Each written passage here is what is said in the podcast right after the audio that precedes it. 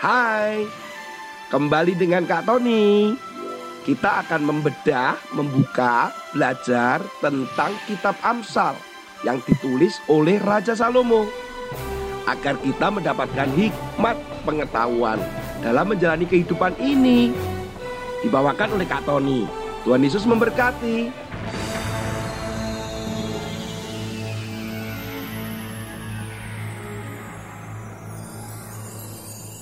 Hai hai hai, ketemu lagi dengan Kak Tony Saat ini kita akan bersama-sama untuk mendengarkan renungan pada hari ini. Dan tentunya kalian harus siapkan dong Hati, pikiran, semuanya. Dan tentunya satu lagi, telinga. Iya, Karena kan ini siaran atau rekaman dalam bentuk suara Jadi telinga penting sekali ya. Oke anak-anak Ada sebuah rumah sakit yang ada di Italia bernama Rumah Sakit Arnaldo Pugliese Siasio. Ini adalah rumah sakit yang saat ini memang menampung para pasien juga dan tetap beroperasi sampai hari ini. Dan rumah sakit ini juga memperkerjakan orang-orang selain dokter dan perawat, juga mereka memperkerjakan karyawan-karyawan yang ada di kantor. Nah, baru-baru ini rumah sakit itu yang ada di Italia harus melaporkan seorang pria berusia 67 tahun. Apa sih masalahnya? Pria ini kok punya masalah? Begini ceritanya. Ternyata sejak tahun 2005, wah itu kapan tuh ya? Wah lama ya. Sampai tahun 2020 itu ada seorang karyawan yang berusia 67 tahun ini walaupun tidak masuk kerja atau dia tidak datang ke rumah sakit itu, tetap saja oleh pihak rumah sakit itu dibayar gajinya. Wah, wah, wah, wah. Ternyata pada awal 2015 itu si pria 67 tahun ini pernah mengancam direktur rumah sakit bahwa memang dia punya kebiasaan membolos anak-anak. Dan pria ini mengancam untuk tidak melaporkan atau tidak memperkarakan dia. Nah, ternyata ketika berganti direktur, masalah ini tetap berlanjut dan direktur yang baru tidak tahu. Sehingga pria 67 tahun ini tetap digaji loh anak-anak sampai 15 tahun. Nah, 15 tahun tetap digaji tetapi tidak masuk kerja. Ini kan orang-orang yang malas ini model seperti ini nih. Waduh rumah sakit ini kok ya bisa kelolosan orang seperti dia ya. Bahkan ketika ditelusuri berapa jumlah gajinya, waduh ini yang membuat luar biasa ya. Gajinya itu yang dibayarkan itu selama 15 tahun dia tidak masuk kerja, ternyata 650 ribu US dollar atau 9,4 miliar rupiah. Waduh banyak juga ya. Kak Tony juga coba hitung-hitung ya 9,4 miliar itu kurang lebih per bulannya dia digaji berapa tapi nggak bekerja itu. Wah, ternyata setiap bulan setidaknya dia menerima 52 juta rupiah per bulan. Bisa-bisanya gitu ya.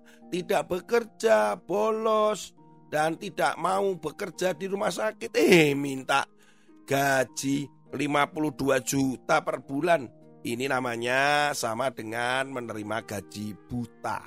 Buta, buta, buta. Nah, tetapi Bersyukurnya pria ini akhirnya harus berhadapan dengan hukum. Ditangkap oleh polisi, kemudian dihadapkan pada pengadilan. Dan tentunya si pria ini tidak bisa lagi membolos. Ya, karena sudah ditangkap polisi dan harus berhadapan dengan pengadilan. Anak-anak, firman Tuhan berkata pada hari ini di dalam Amsal pasal 10 ayat 26 seperti cuka bagi gigi dan asap bagi mata. Demikian si pemalas bagi orang yang menyuruhnya. Intinya begini firman Tuhan itu, bahwa jangan menyuruh atau jangan memperkerjakan orang-orang yang malas-malas. Nah, orang-orang yang malas itu membuat repot orang lain. Karena dikatakan bahwa seperti cuka bagi gigi, maka gigi kita ini bisa iritasi. Kalau gigi ini kita terus ada cuka yang ada di menempel di gigi itu bisa merusak gigi kita. Demikian pula kalau ada asap di mata kita nggak bisa melihat kan kita repot. Nah, jadi firman Tuhan katakan orang pemalas itu seperti itu. Dia akan merepotkan orang lain. Nah, jadi seperti orang pemalas ini si pria yang usia 67 tahun ini kan merepotkan orang lain, itu merugikan. Merugikan rumah sakit. Oh, dipikir enak-enakan tapi dia merugikan. Berapa uang yang harus dikeluarkan oleh rumah sakit untuk si pemalas ini? Seandainya uang itu dapat digunakan untuk menolong orang yang sakit, orang yang sedang perlu pertolongan kan itu lebih berguna daripada hanya membayar gaji kepada pria 67 tahun itu sementara dia tidak bekerja kan. Nah, ini yang harus hati-hati. Anak-anak, janganlah jadi pemalas. Kak Tony juga mengingatkan dirinya Kak Tony juga firman Tuhan hari ini juga demikian. Kalau kita menjadi orang-orang yang malas, sedikit-sedikit malas, nggak mau bangun tidurnya siang, kemudian banyak nonton TV terus, main handphone terus, kelihatannya seperti malas-malasan begitu.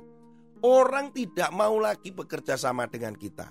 Atau kalau kalian sedang kerja kelompok, kalau kita nggak mau mengerjakan apa-apa di sekolah, ketika tugas itu diberikan di dalam kelompok kalian, nah teman-teman kalian pasti nggak mau lagi mengajak kalian untuk di dalam kelompok itu. Kenapa? Karena tidak melakukan apa-apa. Itu pemalas lah. Mana ada mau bekerja dengan si pemalas. Tapi Kak Tony percaya, kalian adalah orang-orang yang rajin.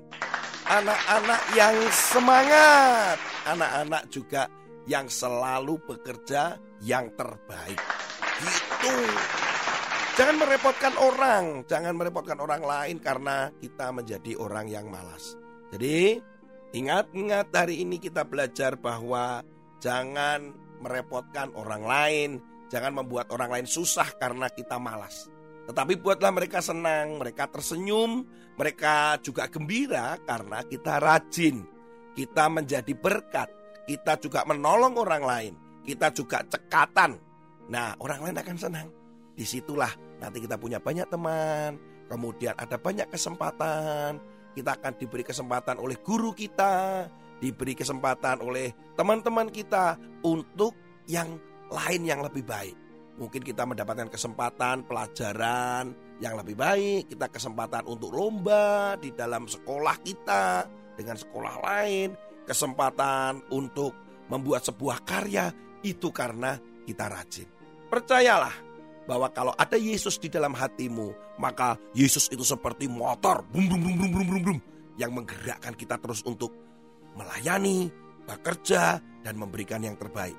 Kan kalian menjadi anak-anak yang rajin dan cekatan. Oke. Tuhan Yesus memberkati sampai ketemu dengan Kak Tony pada episode yang lain. Haleluya.